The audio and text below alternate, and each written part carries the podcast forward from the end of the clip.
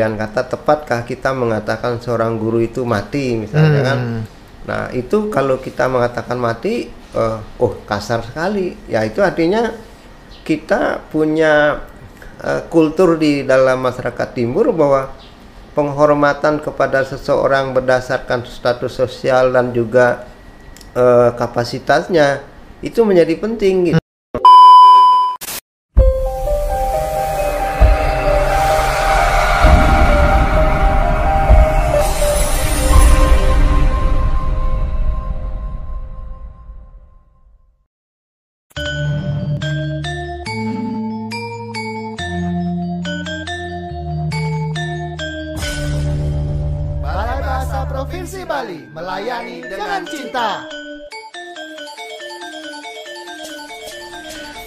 Salam bahasa, sahabat bahasa di mana saja sahabat bahasa berada. Senang sekali saya Nyoman Sutrisna dapat eh, hadir kembali menemani sahabat bahasa dalam program Bincang Bahasa dan Sastra, sebuah program yang digagas oleh Balai Bahasa Provinsi Bali untuk menyampaikan informasi kebahasaan dan kesasaan kepada masyarakat.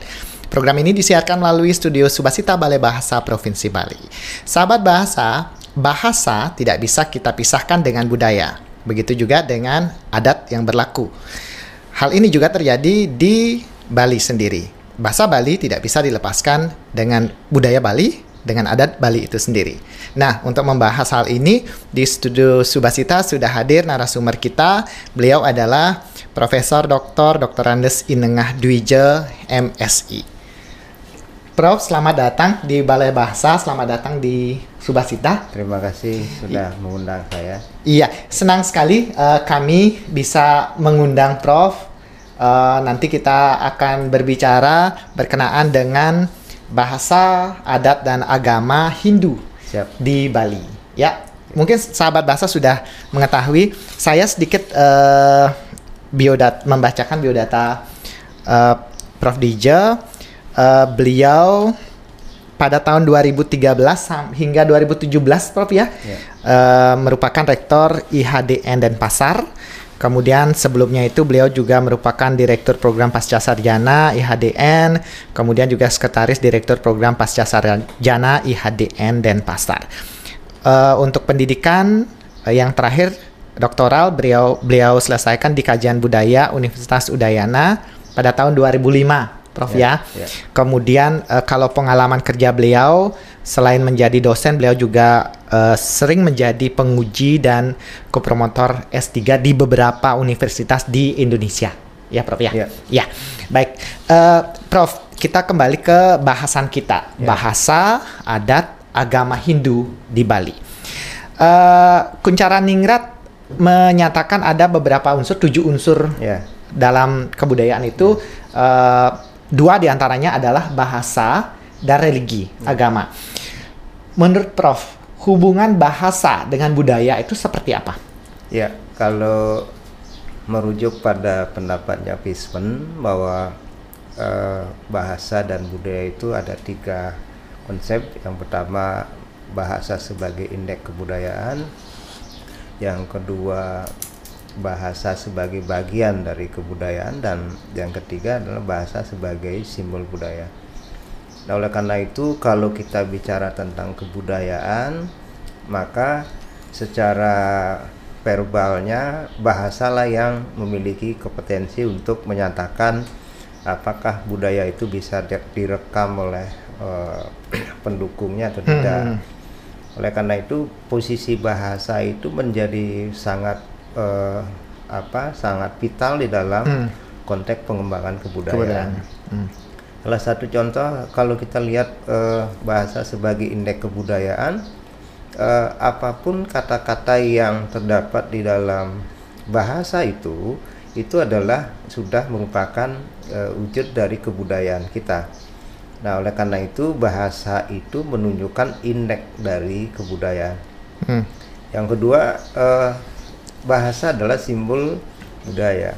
Kalau kita lihat bahasa Bali sebagai simbol akar kebudayaan kita, maka eh, simbol-simbol budaya itu sebenarnya kan ada pada konten bahasa gitu. Iya, betul. betul. Jadi di situlah kita bisa menguak sebuah simbol budaya. Contohnya misalnya arak gitu ya.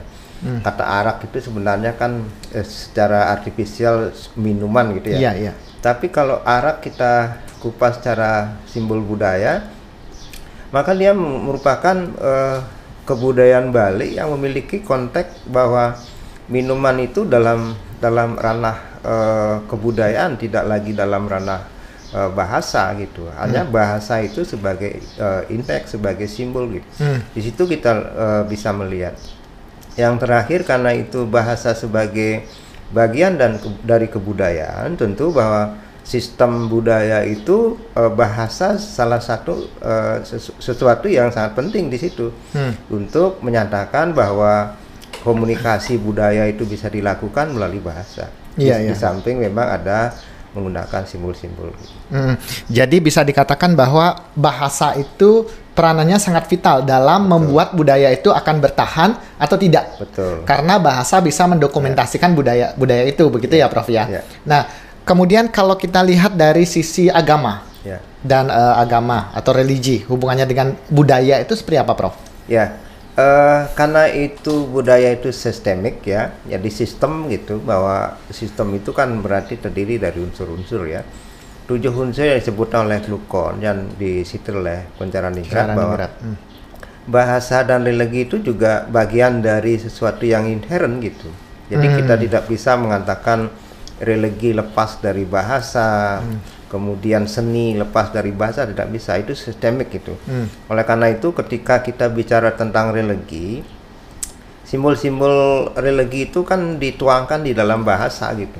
Kalau di Bali jelas sekali bagaimana orang Bali memahami Tuhan itu melalui ongkaro gitu. Iya, betul, Ya, betul. Jadi ini sebenarnya lambang-lambang bahasa itu, lambang-lambang bunyi yang yang tertuang di dalam huruf itu, itu menjadi satu yang yang sangat eh, simbolik di dalam memahami religi Hmm. gitu.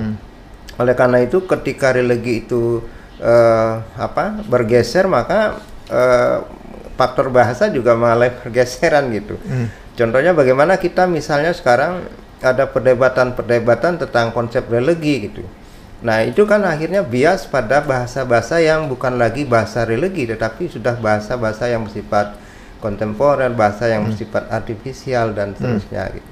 Hmm.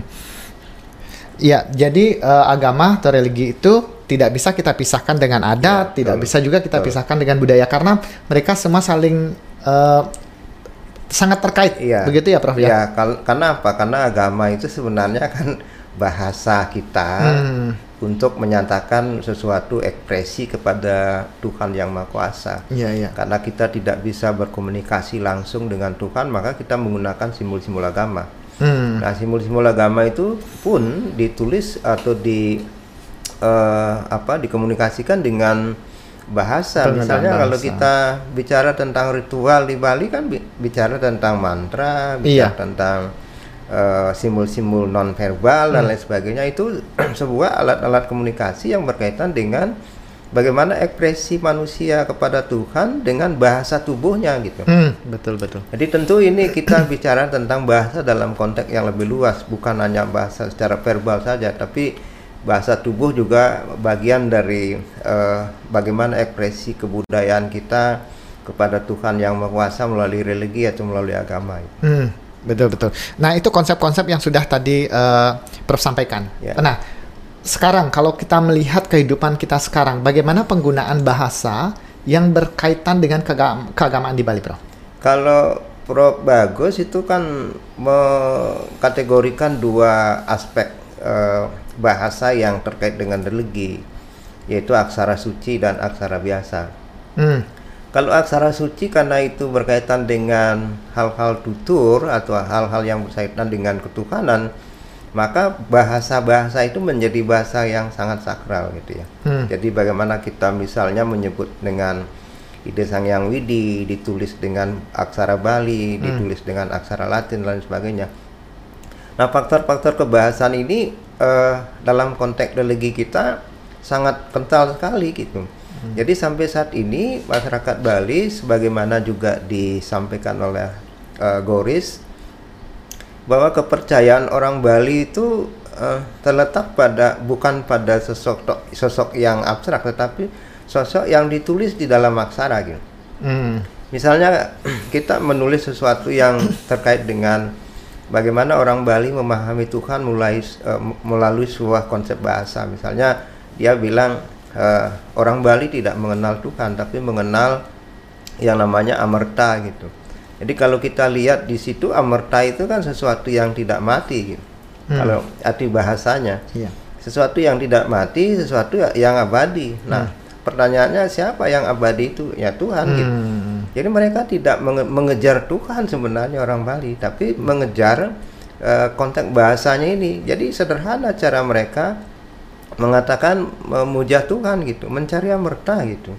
Jadi dia hmm. tidak mencari Tuhan. Nah, sementara uh, pandangan masyarakat sekarang kan dia mencari Tuhan gitu. Iya, iya. Soal Tuhan itu di mana gitu. Hmm. Jadi orang Bali itu di, bukan tidak mengenal Tuhan ya, tapi cara mencapai Tuhan itu dengan hmm. simbol-simbol hmm. bahasa dan komunikasi budaya gitu. Hmm. Uh, baik tadi Prof menyampaikan uh, tentang Prof Bagus. Prof Bagus yeah. ini seorang tokoh yeah. budayawan, kemudian pemerhati budaya, bahasa, yeah. adat dan sebagainya. Mungkin Prof bisa menyampaikan pandangan-pandangan beliau tentang yeah. uh, bahasa dan budaya ini? Ya, yeah. uh, saya hampir enam tahun dengan beliau uh, berguru sama beliau dan saya dididik langsung oleh beliau uh, salah satu monumen yang menurut saya sangat esensial dalam uh, pengembangan bahasa dan kebudayaan di Udayana adalah terbentuknya S3 Linguistik Kebudayaan. Hmm. Ya.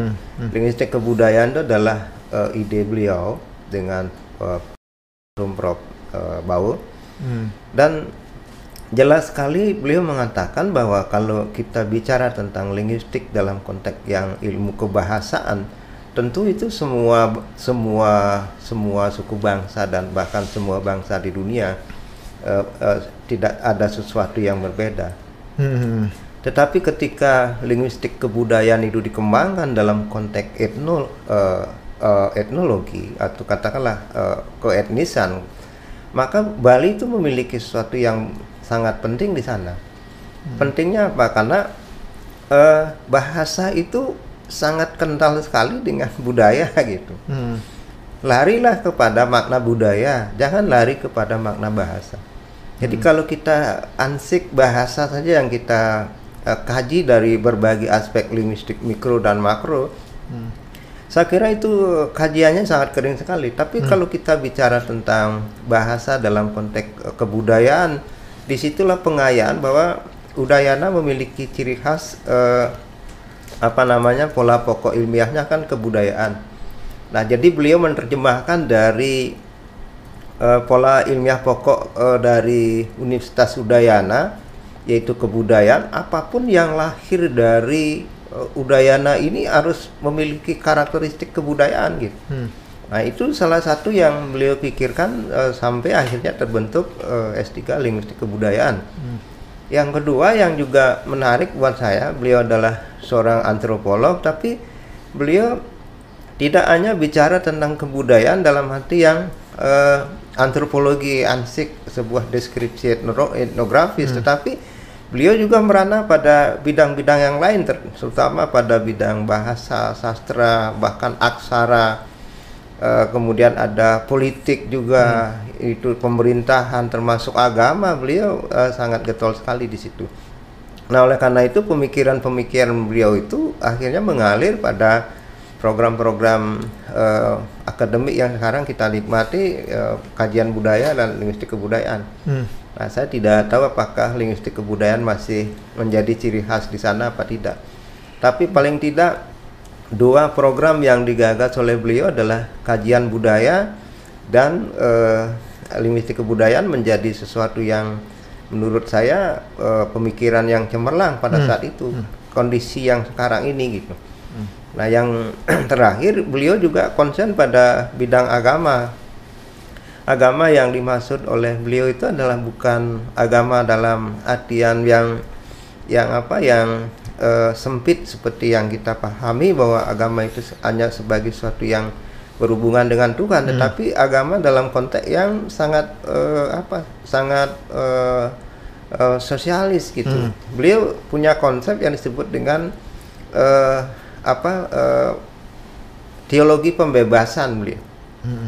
Teologi pembebasan itu yang saya tangkap terakhir sama beliau bahwa bagaimana eh, eh, sebuah lokalisasi kemudian dijadikan dijadikan pesantren dan kemudian menjadi pesantren yang besar itu bisa menjadi bahwa agama itu sebagai sebuah jalan pembebasan.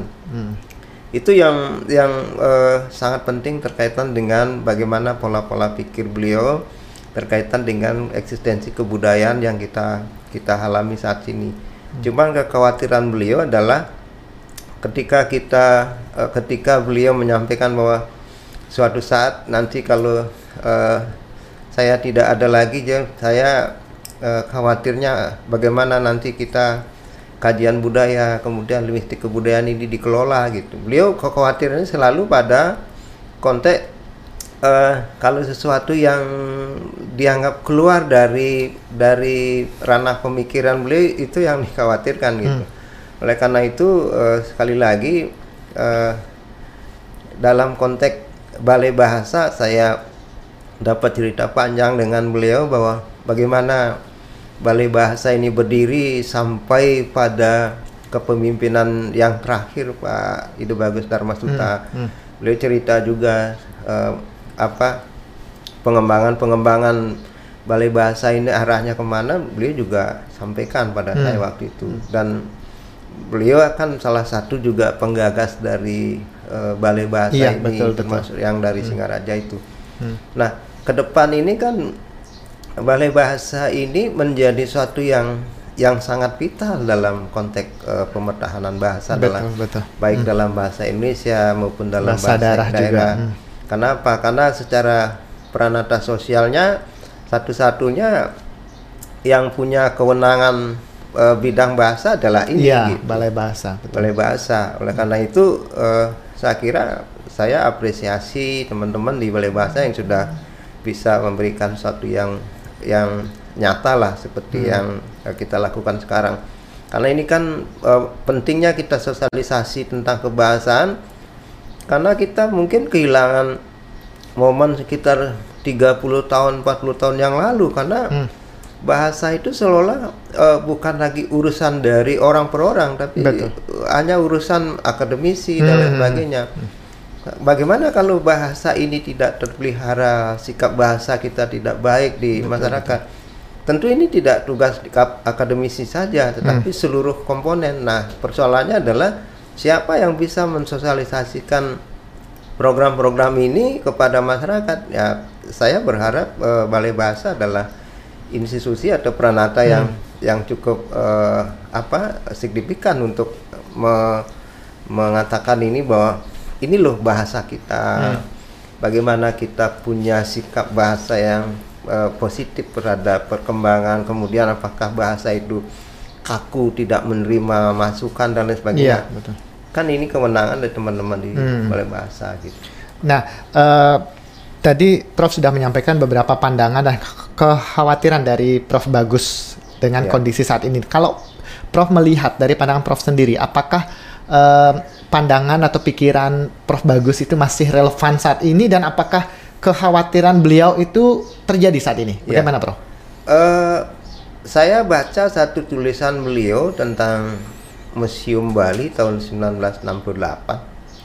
Beliau mengatakan bahwa Bali akan mengalami perubahan yang sangat signifikan ketika pariwisata tidak bisa lagi menjadi tulang punggung Menjadi andalan ya. andalan. Hmm, betul, betul. Itu tahun 68 eh, beliau me- mengatakan itu dalam sebuah tulisannya di eh, apa namanya di artikel museum gitu. Nah, 1968 baru terjadi krisis ini sekarang gitu.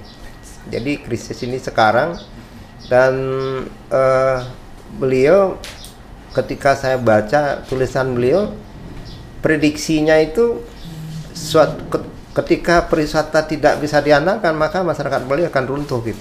Dan terjadi ya, ya. Sekarang saya baru baru baru baru ngeh ya bahwa Iya, iya, bagaimana visioner pikiran beliau tahun 1968. Iya, betul, Dan eh, betul bahwa eh, sekali lagi eh, syukurlah Pak Gubernur sekarang agak sedikit ngeh bahwa uh, punya regulasi-regulasi kebahasaan yang cukup ya. Nah, uh, sebelumnya kan runtuh sama sekali gitu.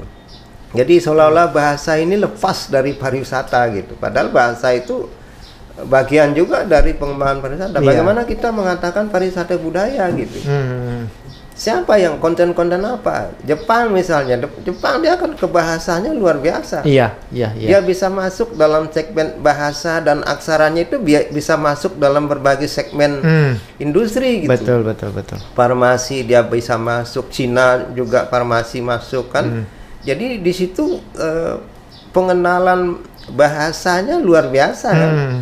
Eh, syukurlah sekarang ada eh, apa penggunaan aksara Bali di ruang publik. Itu dipotret oleh seluruh dunia loh. Hmm. Dan itu artinya ada semacam eh, apa pengembangan politik identitas di situ. Hmm. Bahwa kita punya identitas, kita punya ciri khas bahwa bahasa itu bagian penting dari kebudayaan. Makanya sebenarnya beriringan sebenarnya. Iya, Cuman iya, iya. memang kita parsial sekali pariwisata ya Pariwisata eh, tidak ada hubungannya dengan Ya, bahasa bis- ya, Pak. bisa dikatakan Ya, begitu ya betul. yang terjadi ya Prof ya. Ya, Nah, termasuk juga eh, bagaimana guide-guide ini misalnya kan eh, selama ini kan di- diberikan eh, pendidikan atau latihan hanya persoalan manajemen kepariwisataan, kemudian tentang kebudayaan dan agama. Tapi bagaimana membahasakan Iya. budaya ini kan perlu perlu ada Perlu eh, dilatih, ya Prof dilatih ya. berbahasa gitu. Bagaimana mengatakan sesuatu yang secara konseptual eh, tidak lagi hanya bicara tentang simbol, tapi dia punya punya konsep gitu. Hmm. Iya, iya, betul, Kalau betul. orang tidak punya wawasan kebahasaan, bagaimana kita bisa membongkar sebuah Hmm. simbol budaya gitu? Betul, betul, betul. Makanya secara eh, orang-orang antropolog mengatakan bahwa kalau Anda ingin masuk dalam sebuah kebudayaan, yang pertama saudara harus kuasai adalah bahasanya. Bahasanya, iya, iya, betul, Itu betul. tidak Prof, bisa ya. kita kita mengandalkan masuk tiba-tiba kita tahu tentang eh, apa konteks caru dan lain sebagainya itu kan tanpa bahasa. tanpa mengenal bahasanya, begitu ya Prof ya. Betul, gitu. betul, betul, Karena betul. Kalau kita deskripsikan caru dari segi bahasa Bali misalnya dari segi kebahasaan itu bisa sampai seribu halaman. Hmm, betul, betul, betul. Eh, karena karena memang simbol-simbol itu tidak bisa kita eh, terjemahkan langsung ke bahasa Betul, lain begitu iya, ya. betul. Iya. Nah. Memang harus menggunakan bahasa dari budaya itu Betul. untuk menjelaskan konsep itu, Ya. gitu Prof ya. Ya. Nah, kalau eh, Prof melihat sekarang eksistensi bahasa Bali itu sendiri di masyarakat seperti apa, Prof? Bahasa Bali itu sebenarnya eh, dari awal kan kita mempelajari bagaimana eh, ada apa namanya masukan, kemudian ada eh, apa namanya ya pengaruh-pengaruh eh, dari bahasa, Bahasa lain, lain, itu ya. Hmm. tidak bisa dipungkiri karena bahasa itu ter- bersifat terbuka. Iya, iya. Hanya persoalannya ketika kita merumuskan bahasa Bali karena itu ada ruang ruang ruang budaya yang sangat eh, sedikit berbeda dengan eh, masyarakat yang lain. Karena kita punya bahasa yang disebut bahasa yang agak apa? agak tinggi tingkatannya itu bahasa bahasa agama gitu. Ah, Nah, jadi kalau bahasa Bali secara lumrah atau secara kepare ini eh, menurut saya di- sepanjang manusia Bali itu lahir dari Bali dan kemudian menggunakan istilah-istilah eh, berbahasa Bali, saya kira eh, pe- perkembangan bahasa Bali harus kita akui bahwa pasti ada ada juga dari input-input dari bahasa, di bahasa lain. lain. Hmm. Nah, kita juga ti- tidak eh, tidak mau kan eh, mengatakan bahwa bahasa Bali itu ya harus bahasa Bali yang tahun 70-an, tahun 30-an. Hmm. Jadi konteksnya sudah berbeda. Iya, iya. Karena bahasa itu dinamis ya, Prof ya. Betul. Dan kita tahu persis misalnya baju itu ternyata bukan bukan bahasa Bali, itu bahasa Belanda kan. Lampu juga bahasa Belanda Hmm. Ah, dan betul, sebagainya. Dan kita pakai se- sebuah bahasa yang memang sudah berterima di dalam Hmm, masyarakat. masyarakat. Hmm. Nah, oleh karena itu kalau kita melihat eksistensi bahasa, ya bahasa Bali cukup eksis. Bertahan, ya. ya, Ya, ya. artinya kan eh, konteksnya jelas. Hmm. Misalnya kalau bahasa Bali yang digunakan di dalam konteks adat Hmm. ya. dan kemudian kalau dia resmi ya bahasa Indonesia ya bahasa Indonesia Bahasa juga Indonesia. dipakai. Hmm. Tapi bahasa Bali tetap menjadi menjadi identitas eh, Kita sebagai orang Bali ya. sebagai orang Bali gitu. Cuman memang kalau kita lihat dari eh, aspek pemahakian bahasa dari eh, penutur aktifnya memang eh, itu kita akui itu memang berkurang karena apa gerusan-gerusan bahasa bahasa lain Hmm, termasuk termasuk bahasa internasional. Indonesia juga ya Prof ya. Betul. Hmm. Jadi itu tidak bisa kita kita apa kita eh, proteksi Hmm. eh, supaya bahasa Bali ini utuh seperti Iya, eh, zaman dulu zaman begitu ya. dulu gitu nah karena konteksnya sudah berbeda misalnya eh, ada istilah-istilah subak yang sudah tidak ke- dikenal oleh anak-anak kita Hmm. meskipun dikenalkan mereka sudah tidak menggunakan kan Karena tidak melihat eh, fisik dari Iya. bendanya itu ya Nah, Prof ya. Jadi itu eh, budaya itu kan mengalir dari gagasan, kemudian sistem sosialnya, kemudian baru kepada produk. Ketika Hmm. produknya tidak ada, secara otomatis kan sistem sosialnya juga tidak Sudah ada. tidak ada. Makanya Ya, ya, ya. pada aspek yang paling rigidnya itu pada konsep gagasannya juga Sudah tidak dikenal lagi ya dikenal Prof ya. lagi Hmm. gitu. Jadi eh, kan percuma juga kita mengenalkan sesuatu yang tidak dia alami gitu. Hmm. Karena kan Betul. kebudayaan itu kan sesuatu yang dialami gitu. Hmm. Jadi kalau merujuk pada 2NB kan apa yang survive pada saat ini itulah yang menjadi kebudayaan, Kebudayaan. kita gitu. Betul betul betul. Nah, jadi kalau itu persoalannya maka kita sebenarnya jangan terla- terlalu khawatir tentang eh, bahasa Bali akan mati dan lain sebagainya. Hmm.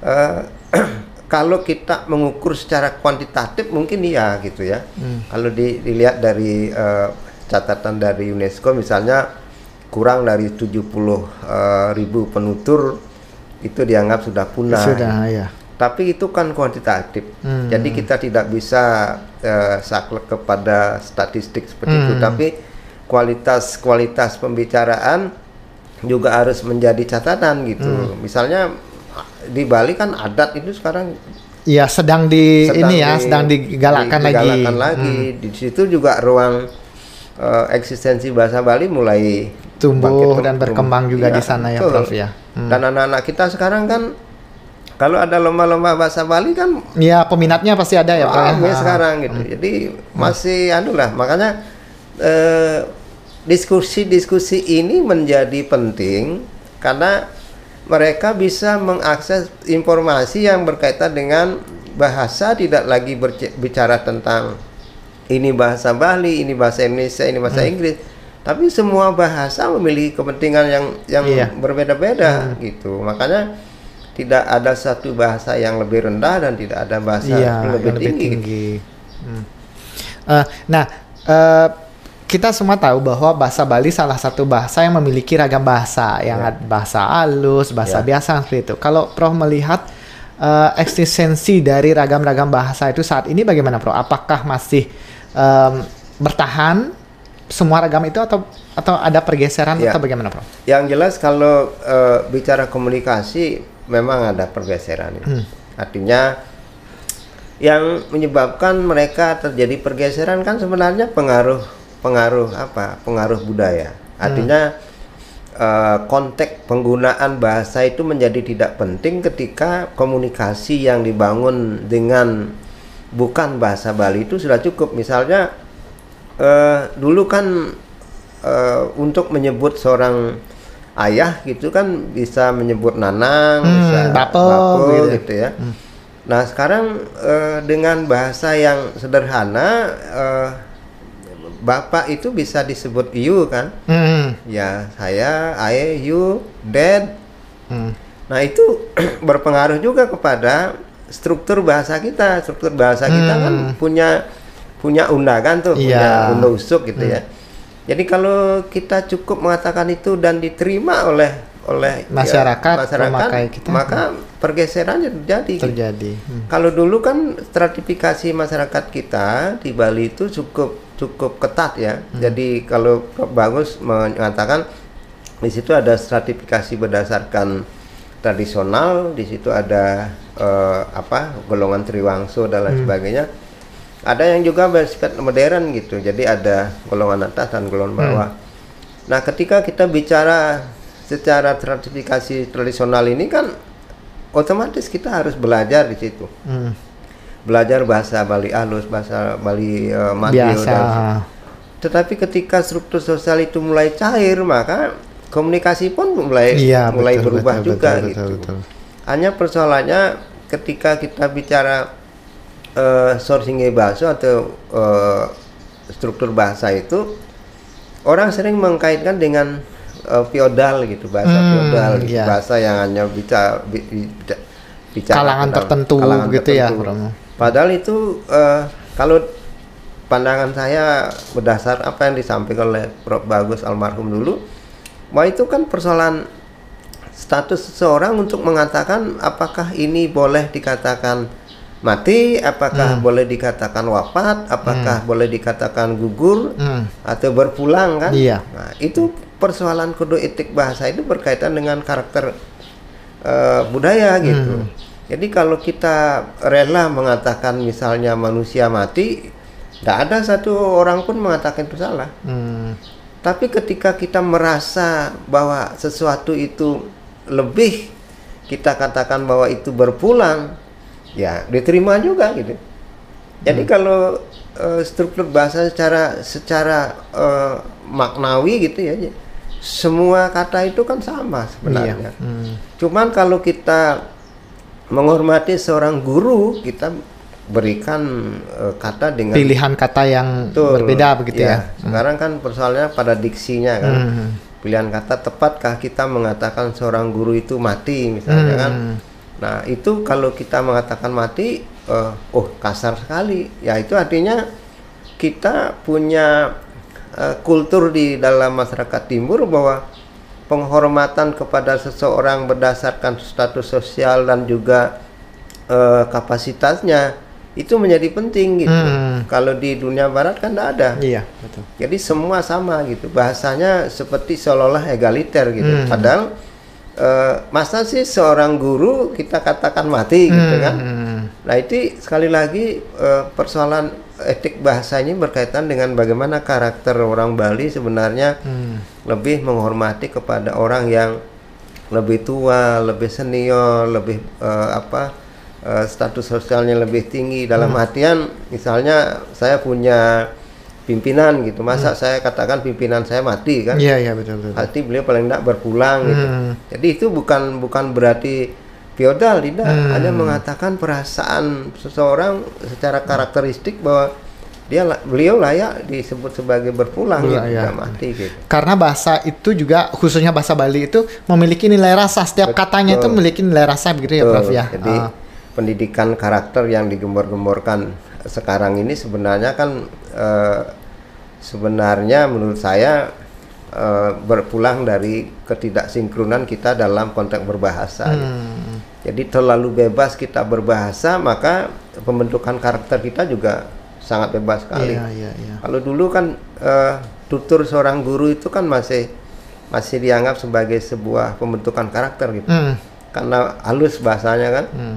Bandingkan misalnya karakteristik misalnya orang Solo ya, orang Solo dengan orang Banyumas atau orang eh, apa Jawa Timur, karena bahasanya bisa kita lihat di situ. Hmm. Iya, iya, iya. Jadi bagaimana eh, seorang dari Solo eh, meskipun menggunakan bahasa Jawa tapi ragamnya lebih halus misalnya. Hmm. Kan itu dilihat bahwa oh ini ternyata pendidikan karakternya bagus gitu ya. Hmm. Jadi jangan jangan jangan lepaskan bahwa pendidikan karakter itu bukan ansik oh ini harus jadi orang apa eh, jujur. Nah, dari mana dia dapat kejujuran? Itu kan dari bahasa gitu. Hmm. Jujur itu kan dari bahasa gitu. Apa sih jujur itu? Nah, itu persoalan konsep gitu. Hmm. Semua sebenarnya berasal dari bahasa gitu. Hmm, betul betul betul. Nah, kalau Prof melihat eh, kita sebagai warga Bali, masyarakat Bali, Ya. sikap masyarakat Bali terhadap bahasa Bali itu sendiri. Eh, kalau lihat sekarang sa- saya yakin ada perubahan sikap bahasa. Karena kan eh, sebagai ciri eh, otentiknya kan anak-anak kita yang ikut dalam berbagai lomba bahasa daerah ya.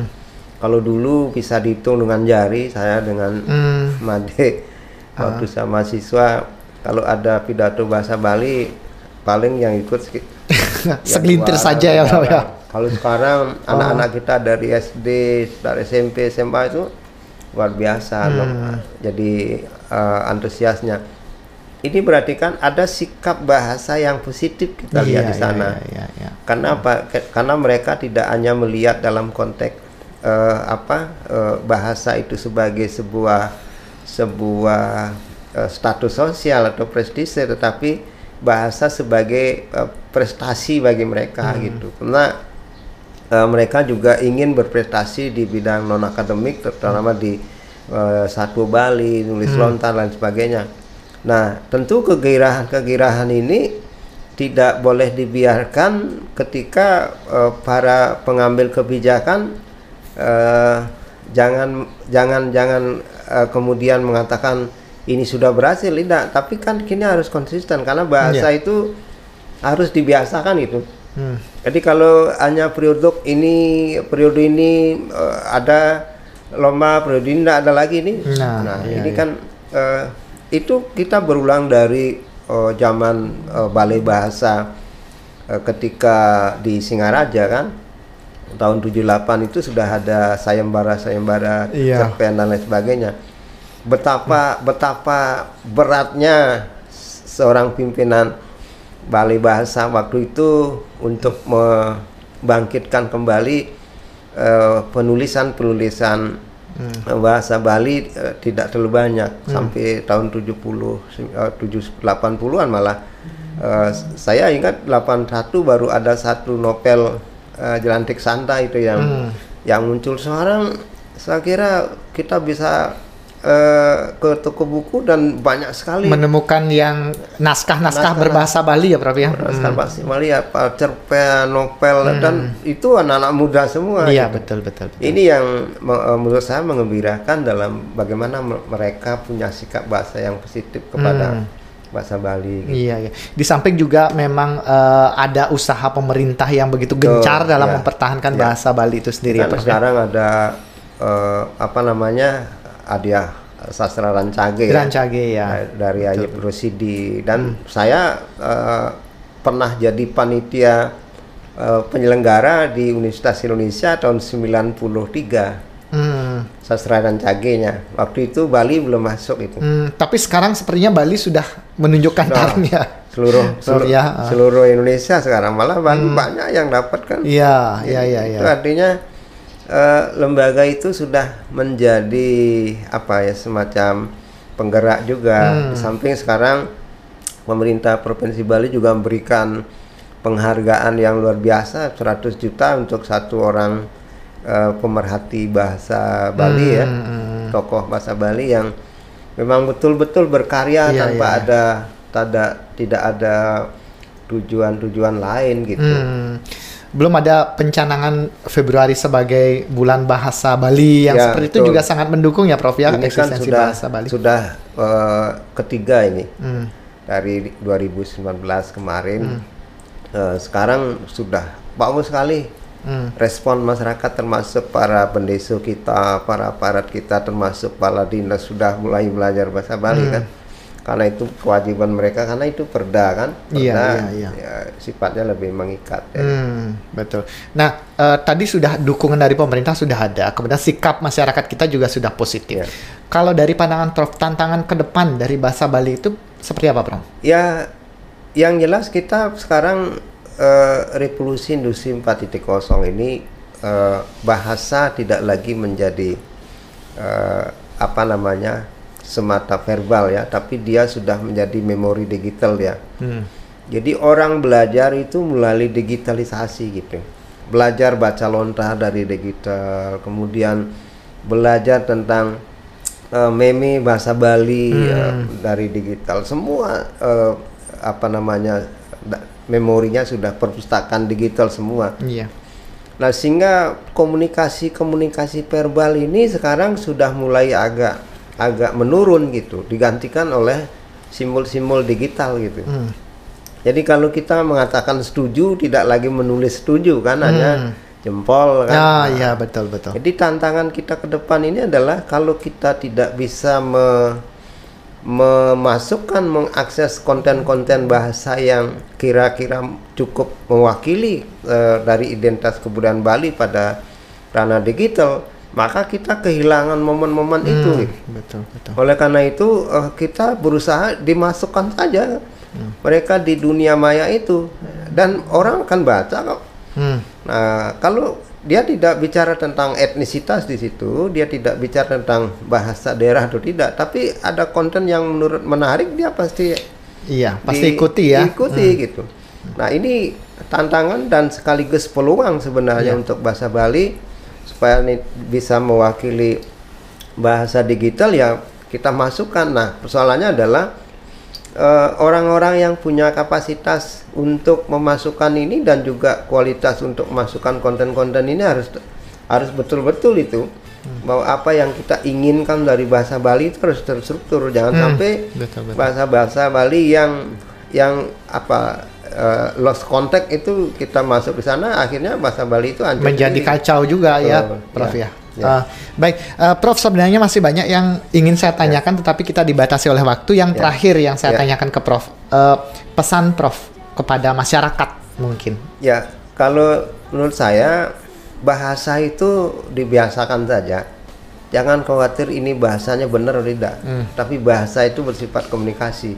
Sepanjang komunikasi kita berjalan, berjalan dan orang mengerti apa yang kita katakan itu secara simbol komunikasi disebut sebagai komunikasi yang berhasil. Hmm. Jadi eh, anak-anak uh, kita khawatir dengan bahasa Bali karena uh, katakan terlalu ribet gitu. Hmm. Saya kira apa pun yang dikatakan anak-anak kita uh, bercampur kodo dan alih kodo itu sebenarnya bagian dari sebuah uh, dinamika kebahasaan iya, yang harus iya. kita terima. Gitu. Hmm. Kira uh, kita apresiasi ya Eh, anak-anak uh, kita mudah-mudahan ke depan uh, bahasa Bali, bahasa Indonesia dan bahasa uh, asing juga menjadi bagian yang beriringan tidak saling me, apa me, saling bunuh membunuh bisa dikatakan membunuh, begitu ya, ya Pak ya. Kira gitu. Ya, uh, baik Prof. Uh, terima kasih banyak sudah banyak yang sudah disampaikan. Yeah. Prof sudah uh, memberikan pandangan-pandangan Prof dan juga sudah memberikan uh, apa yang semestinya kita lakukan supaya bahasa Bali ini tetap bertahan gitu ya Prof ya. ya. Baik, sekali lagi terima kasih Prof. Ya, uh, kita bertemu lagi nanti kami akan mengundang Prof untuk berbicara lagi ya. di sini. Ya. Baik, ya sahabat bahasa demikian tadi uh, diskusi saya dengan Prof Dwija yang sudah uh, berbicara banyak tentang bahasa, adat dan agama Hindu yang ada di Bali. Semoga apa yang kami diskusikan tadi bermanfaat dan kita akan bertemu lagi dalam program Bincang Bahasa dan berikutnya. Salam bahasa.